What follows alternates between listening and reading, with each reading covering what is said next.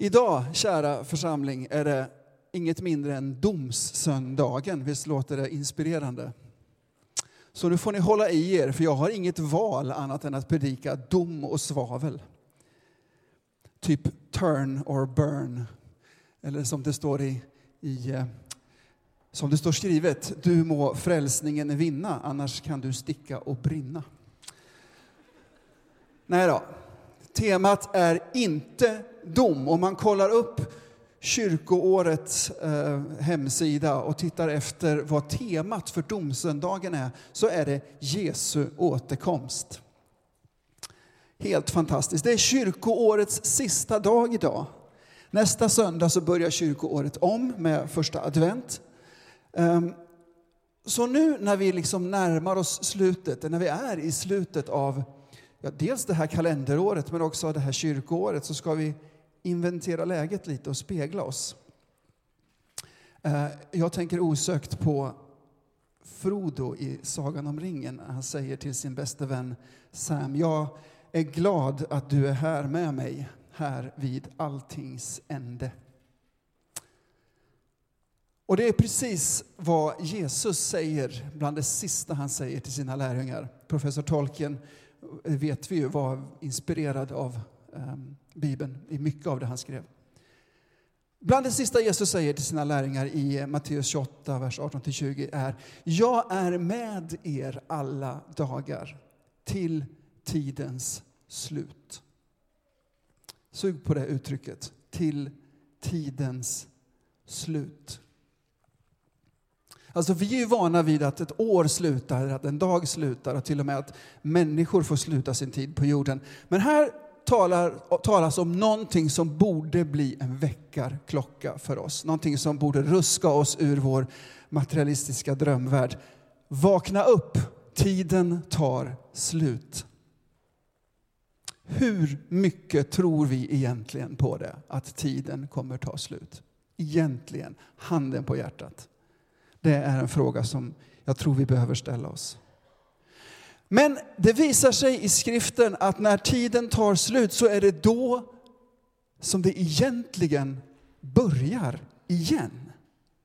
Precis som det inte var slut för Frodo och Sam där vid domedagsberget när allting verkade vara över och han sa jag är glad att du är här nu när allting tar slut.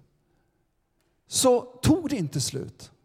Utan det fanns en ny tid, en, ny, en fortsättning som också den var på riktigt. Och precis på samma sätt, eller kanske det är så här det är och det där andra som jag hänvisar till, det, det är en blek avglans. Jesus kommer tillbaka. När tiden tar slut kommer Jesus tillbaks. På riktigt. Hallå? Är du, är du här idag? Tiden tar slut. Aha. Jesus kommer tillbaks på riktigt. Han gör det. Fysiskt. Alltså det är inte någon andlig i någon, i någon andlig bemärkelse, eller någon slags, någon slags metafor för någonting, för någonting annat. Det är ingen utopi, det är ingen dröm, det är ingen saga, utan på riktigt, fysiskt kommer Jesus att komma tillbaks till den här jorden. Allt det här talet om tidens slut och Jesu återkomst som vi har av alla möjliga randiga och rutiga skäl, kanske de sista decennierna, undvikit eller försummat eller helt enkelt inte haft tid med, för vi har så mycket att göra. Allt det är på riktigt. It's real, all of it. Det kommer att bli så, det kommer att hända. Himlen kommer ner till jorden. Vi kommer att leva fysiskt tillsammans med varandra och tillsammans med Gud i evigheters evighet. Inte på ett moln med någon harpa, ni vet de här nidbilderna. Det kommer att finnas en fysisk värld där vi kommer att vara tillsammans med varandra och med Gud. Lennart Hambre hade en episk predikan för ett par veckor sedan om Uppenbarelseboken eh, som jag inte ska återupp, Eh, eller vad heter det, återge, utan ni får lyssna på den igen, för den, den kopplar starkt till naturligtvis tidens slut. De sista kapitlen i Uppenbarelseboken är någonting vi behöver leva i och läsa för vår egen skull. Men vi är inte där ännu. Vi är ännu inte framme vid tidens slut. Vi får se en bild här, se om ni känner igen den eller förstår vad den handlar om. Det som händer nu och som har hänt under en längre tid i Paris, i Beirut, i Ankara är inte tidens slut, men det är ett tecken på att tiden närmar sig sitt slut. Alltså hade den här bilden varit komplett så hade det varit alldeles gult och grönt i Irak och Syrien, men det fick inte plats. det här är de senaste attackerna under 2015 av en viss grupp, en massa gubbar med svarta flaggor. Och det är ett tecken på att tiden närmar sig sitt slut, men det är ännu inte slutet. I Matteus 24 och 6 så står det ni kommer att få höra stridslarm och krigsrykten, alltså krig på långt håll och nära. Se till att ni inte låter skrämma er. Låt inte den bilden och vad den står för skrämma er. Säger inte jag, utan Jesus. När ni hör rykten om krig långt bort och när ni hör skramlet av vapen och skottlossning och ser det på svensk television, på svensk mark, så är uppmaningen från Jesus Kristus, låt inte skrämma er. Sånt måste hända, men det är ännu inte slutet. Tack, vi kan ta bort den bilden så länge. Det finns nämligen annat som måste hända först. Lite senare i det där kapitlet i Matteus 24 så säger Jesus själv att budskapet om riket ska förkunnas i hela världen och bli till ett vittnesbörd för alla folk. Sen ska slutet komma.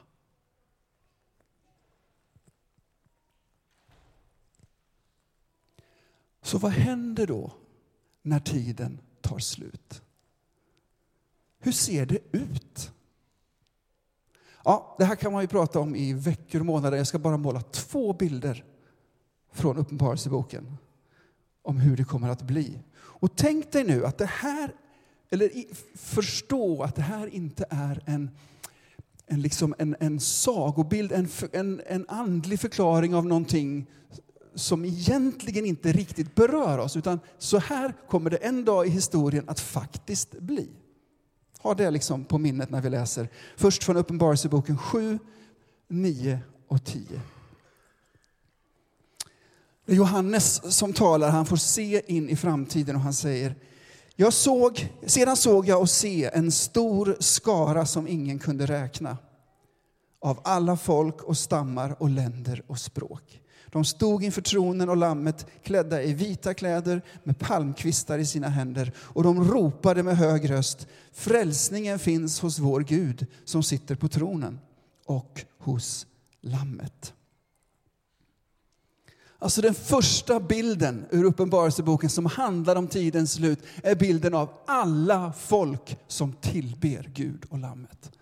Alla folk, alla länder, alla stammar, alla språk. Människor från dessa som ärar och tillber den levande och sanne guden.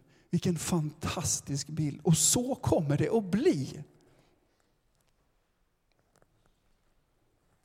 Cirkeln sluts.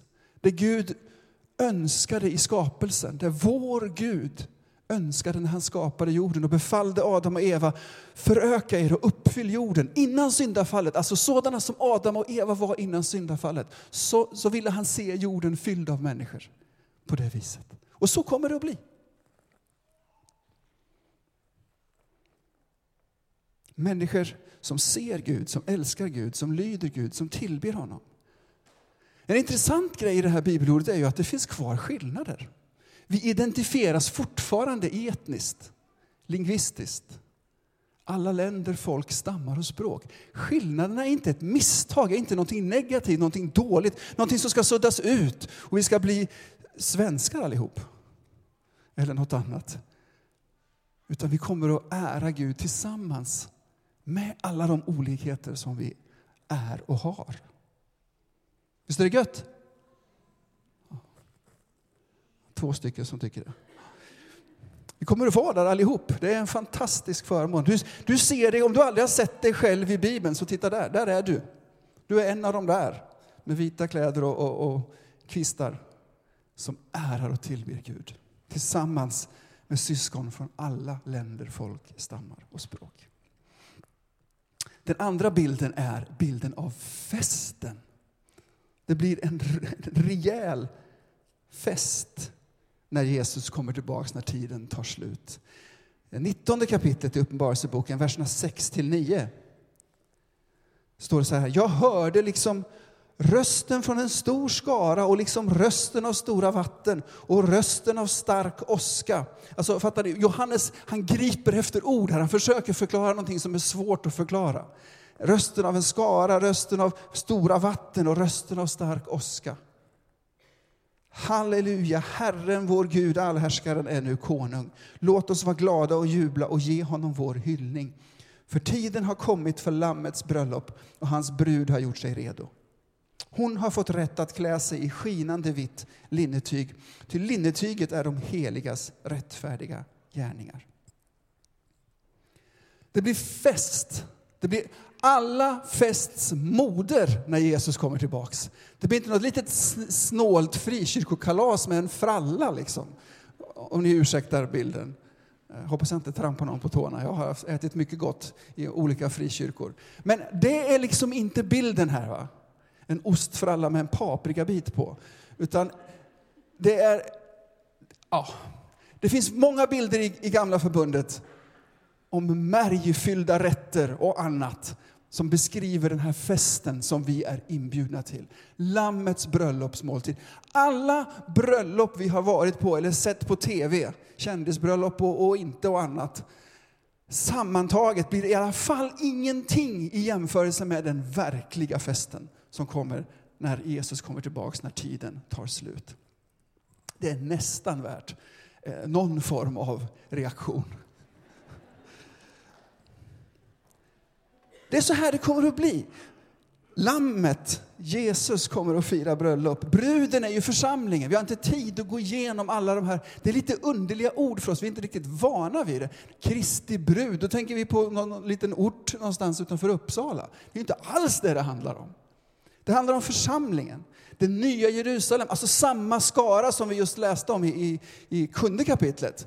Som kom från alla folk, länder, stammar och språk. Det är ju det som är bruden. Så Jesu återkomst och tidens slut präglas av framförallt två saker. Global tillbedjan och en universell fest. Universums största fest någonsin. Det är det vi är på väg emot. Det är det det här handlar om. Det är det domsöndagen handlar om. Det är det som är tidens slut.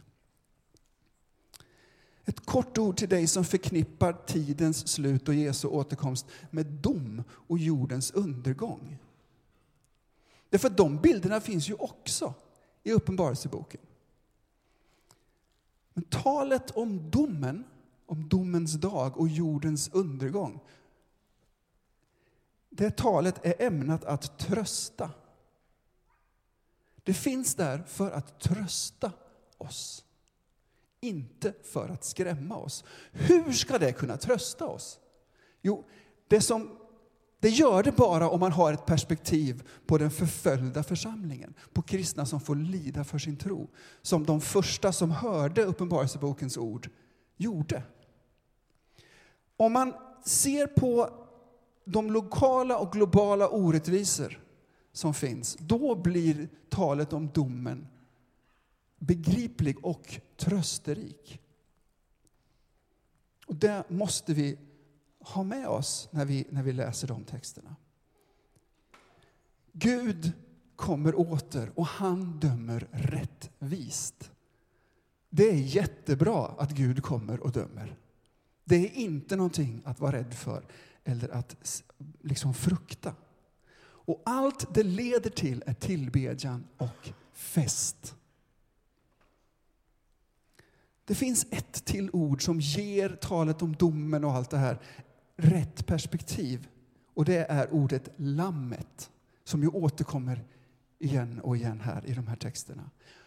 I den första texten så stod det att de stod inför tronen och lammet. I den andra texten så handlar det om lammets bröllop. Du som har gått i kyrkan ett tag och hört det här förut, du vet ju att lammet är Jesus. Jag vill, jag vill påminna oss alla om det.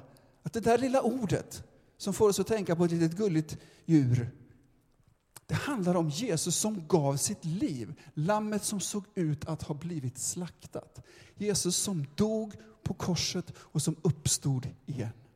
Det är honom det handlar om. Det är hans bröllop, det är hans tron. Lammet som gav sitt liv och när han gjorde det befriade oss från skuld, från skam och från fruktan. Jag säger det igen. Konsekvenserna av det lammet gjorde, det Jesus gjorde på korset när han dog och uppstod, det är att han gjorde oss fria från skuld, från skam och från fruktan. Det är han som kommer tillbaks. Det är hans fest vi ska fira. Det är han som dömer. Det är inte någon narcissistisk, sadistisk despot, utan det är Jesus som kommer tillbaka. Och det är hans fest vi ska gå på. Det är honom som alla folk, länder, stammar och språk tillber. Men som jag sa tidigare så är vi ju inte riktigt där än. Vi närmar oss naturligtvis slutet. Man behöver inte vara profet för att inse det. Det är ju ren kronologi. Att varje dag som går så kommer vi närmare Jesu återkomst. Eller hur? Det är inte något profetiskt uttalande, det är bara logik. Vi, men det finns också tecken som jag, som jag nämnde som visar oss att vi närmar oss slutet, men vi är inte där. Det händer fantastiska saker i Guds rike runt om i världen. Jag har haft förmånen de senaste åren att resa mycket i Nordafrika, i Mellanöstern och berättelserna man hör om skaror som kommer till tro på Jesus. I Algeriet, i Jordanien, i Irak, på andra ställen. Skaror av människor. Indonesien, Indien, Kina. Hundratusentals människor som blir lärjungar till Jesus Kristus. Det händer fantastiska grejer. Helt underbart. Det är, Guds rike är på enorm frammarsch. Evangelikala kyrkan i världen växer mycket snabbare än befolkningen. Låt ingen lura i någonting annat. Alltså Guds rike går framåt med en enorm kraft. Men 42 procent av de etniska folkslagen i världen räknas fortfarande som onådda folk från ett evangeliskt perspektiv. 4 procent av de etniska folken har inte en enda evangelikal kristen. Det finns inga resurser, inga möjligheter att höra evangelium. 30, de andra 38 procenten finns det ett fåtal evangeliska kristna. Det finns viss tillgång till evangeliet, men det finns inte kraft och resurser att nå sitt eget folk. De folkslagen, 38 procent av jordens befolkning, eller sammanlagt 42 procent av jordens alla etniska, etnolingvistiska folk, kommer inte att nås med evangelium om ingen tar sig dit, går över gränser och går dit. Med andra ord, alla folk, länder, stammar och språk är inte representerade inför tronen idag, just nu. Och det är en katastrof. Det är synd och skam. Det är fruktansvärt orättvist att vi har sån otrolig tillgång till evangeliet. Vi väljer och vrakar bland bibelöversättningar och det är inget fel i det. Felet är att det finns så många folk som inte har någon som helst tillgång till evangelium. Och som om de så ville börja följa Jesus inte har resurserna och möjligheterna till det. Alla folk, länder, stammar och språk är inte ännu representerade inför tronen. Bruden är därmed inte redo. Vi läste om Lammets bröllop. Bruden har gjort sig redo. Det ligger i framtiden. Bruden, vi, har ännu inte gjort oss redo. Därför att bruden existerar inte till fullo än. Det fattas delar av bruden.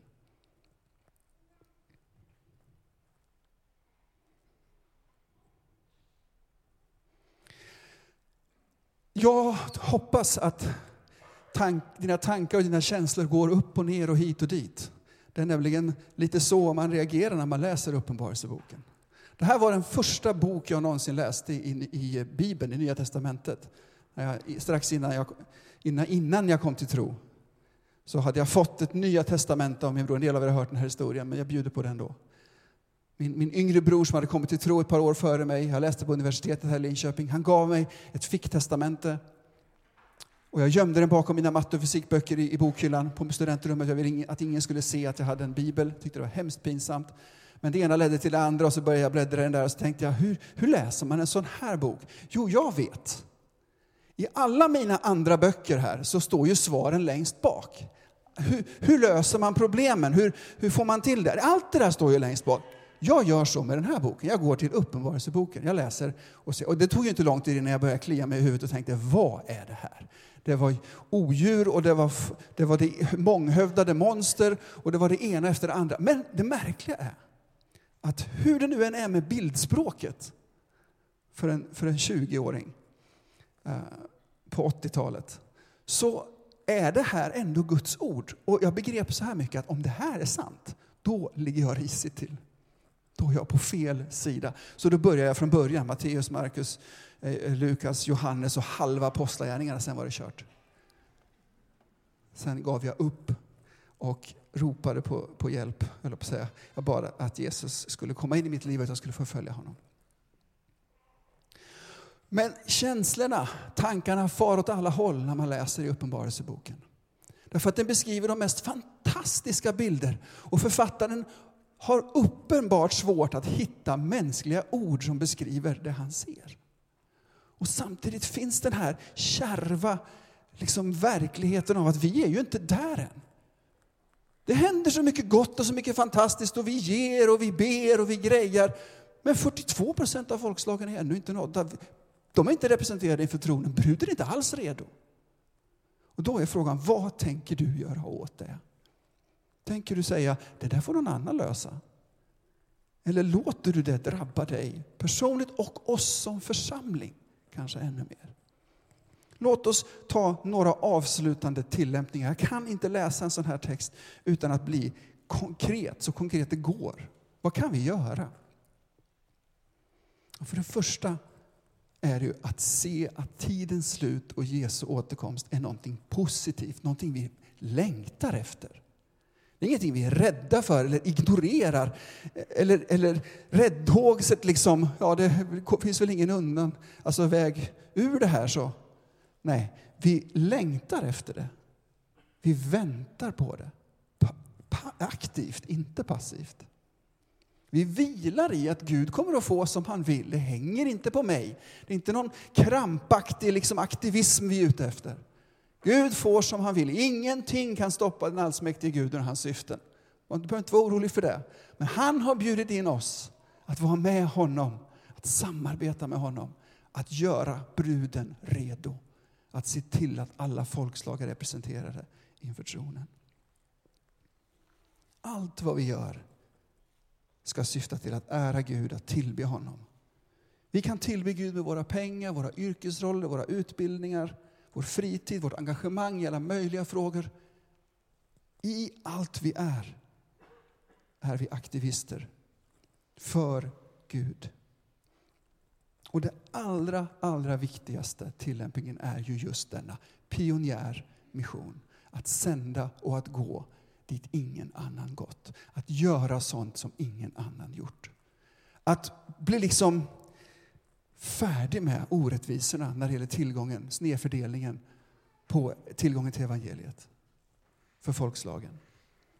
Att inte acceptera det som någon slags, ja det är så det är. Vi har ett prioriteringsproblem. Ni vet, vi läste ju om de heligas rättfärdiga gärningar som är kläderna. Alltså så länge inte bruden finns så blir ju kläderna ganska irrelevanta. Ganska meningslösa. Vi har en sak att göra. Vi har ett jobb. Det är att nå de onådda här i Linköping och på andra platser. Och den första tillämpningsfrågan som jag alltså ställer om och om igen här på olika sätt, det är tror vi egentligen på Jesu återkomst? På riktigt alltså, verkligen. Tror vi på evigheten? Tror vi verkligen att Jesus är enda vägen till evigheten? Till den här festen? Och gör vi det så behöver vi värdera allt vi är och allt vi gör utifrån det perspektivet. Vad jobbigt det blev. Ja, men det leder till någonting helt fantastiskt. Och vi får inte vara så bekväma att vi liksom, bort med det där. Jag har tillräckligt med, med grejer att tänka på och krav. Nej, det här är det enda som är viktigt. Det är inget fel med fritid med utbildning, med yrkesroll, med pengar, med engagemang, med hus och resor. Det handlar om varför du gör det du gör. Eller snarare vem för? Alltså, för vem? Gör du allt det du gör? Den frågan, även om vi alla vet svaret så att säga, behöver vi ställa oss i ärlighetens namn. Brottas med den frågan. En extremt konkret tillämpning finns i den här dagens evangelietext som vi inte ska läsa nu. Det är från Matteus 25, när Jesus talar till fåren och getterna och säger allt vad ni gjorde för en av dessa minsta, det har ni gjort för mig. När jag var hungrig så gav ni mig mat, när jag var törstig gav ni mig att dricka. När jag var hemlös, eller som en del översättningar säger, när jag var en främling tog ni emot mig. Så när vi ger mat till de hungrande och vatten till de törstande och hem och mottagande till främlingarna, till de hemlösa, till flyktingarna så är det Jesus Kristus vi betjänar. Ett konkret sätt att ge gensvar på texten om Jesu återkomst. Behoven i Linköping idag är stora och väldigt tydliga. Jourhem, familjehem, god man, fadder, kontaktperson. Vill du ha en del gillar inte att man skriver dem på näsan och blir för konkret. Det är bättre att lämna en fråga öppen. Men en del av oss vill ha väldigt tydliga utmaningar och här har du. Fråga Herren om inte du ska öppna, vara, ett hem ska vara ett jourhem, ett familjehem. Om du inte ska bli god man för ett ensamkommande flyktingbarn. Därför att då är det Jesus Kristus du möter och tar hand om och betjänar. Inte enligt mig, utan enligt skriften.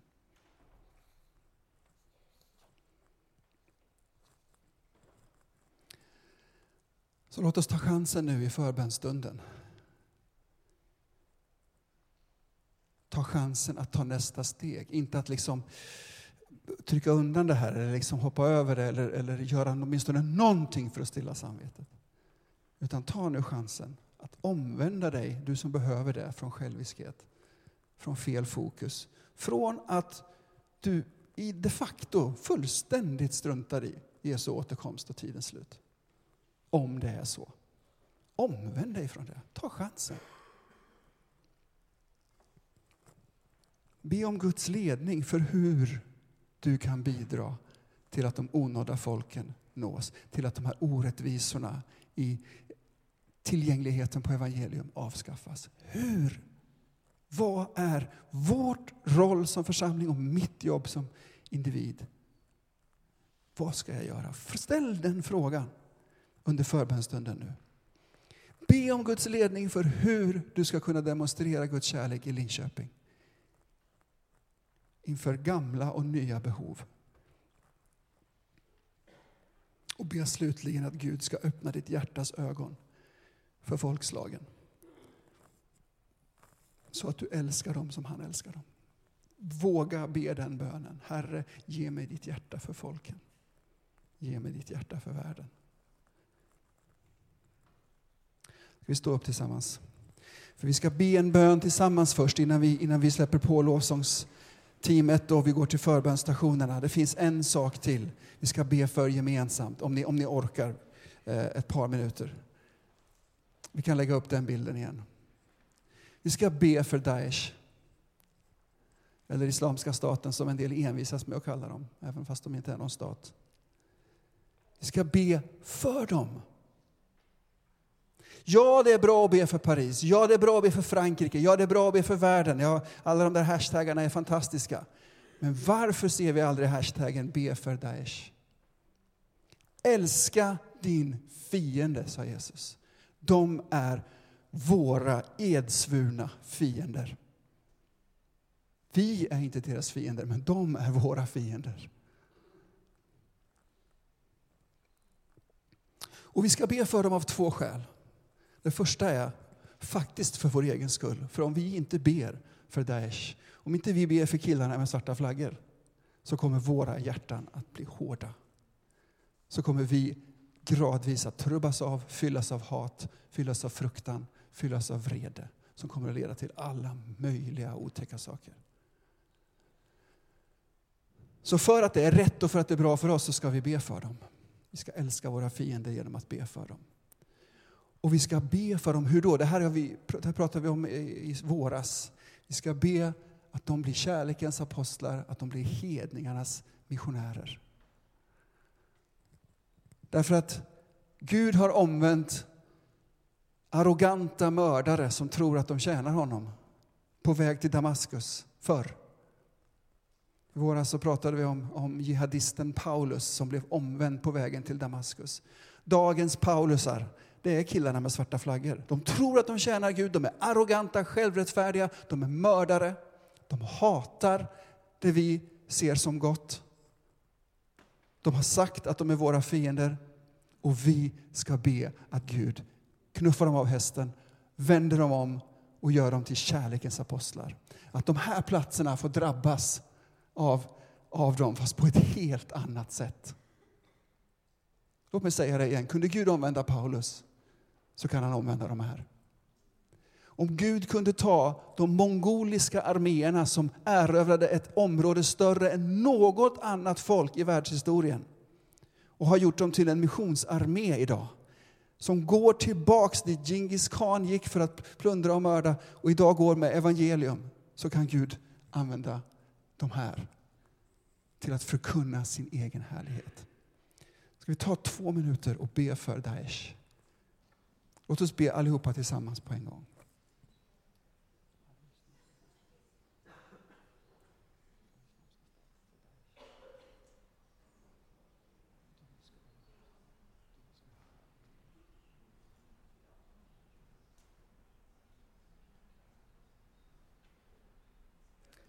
Herre, vi ber för Islamiska staten, för Daesh, för vad de än kallas. Du vet vilka de är, du känner dem, du älskar dem. Du avskyr deras självrättfärdighet och det de gör. Men personerna är sökta av dig. Och precis som Paulus mötte dig med våldsam kraft på vägen till Damaskus så ber jag att fotfolk, soldater och officerare inom den här grupperingen ska möta dig så att de faller till marken och ropar Vem är du, Herre? Och vad vill du att jag ska göra? Herre, möt dem, rädda dem, uppenbara dig för dem i drömmar, i visioner. På vilket sätt du vill. Genom martyrer, genom människor som talar till dem, som ger sina liv för ditt och evangeliets skull, Herre. Herre, vi ber om nåd för Daesh. Vi ber om att de ska få se dig, förstå vad du har gjort på korset och uppståndelsen för dem. Och använd dem för ditt rikes utbredande. Låt dem bli kärlekens apostlar, hedningarnas missionärer. Herre, ta dem till dig. Sänd dem ut över världen i din tjänst. I Jesu namn. Amen. Jag vill utmana dig att fortsätta att be för Daesh, åtminstone en gång om dagen i en vecka. Det kan vara svårt att överlåta sig till, till sånt här för tid och evighet. Men om du kan göra den överlåtelsen, ge det löftet. Jag ska be för Daesh en gång om dagen i en vecka. Det är min utmaning till dig. Nu ska vi gå in i en, en stund av, av tillbedjan och, och lovsång här. Där vi har chansen att omvända oss från, från likgiltighet och från ointresse, själviskhet och vad det nu än är som gör att vi inte riktigt tror att Jesus kommer tillbaka när tiden tar slut. Vi har eh, mattan här där vi kan komma och falla på knä inför korset. Det finns ljusbärare, det finns förebedjare under läktaren och inte minst finns världskartan. Där du kan be för folk, länder, stammar och språk som ännu inte är representerade inför tronen, som ännu inte är en del av bruden. Låt oss åtminstone ta det steget nu, när, när Erik och Sara leder oss i lovsång. Låt oss omvända oss, låt oss be om Guds ledning för hur vi kan bidra mer än vad vi gjort till att nå de onådda, till att demonstrera vem Gud är i Linköping, till att ta de här små men viktiga besluten och om att Gud ska öppna våra hjärtan för hans hjärta för folken. Amen.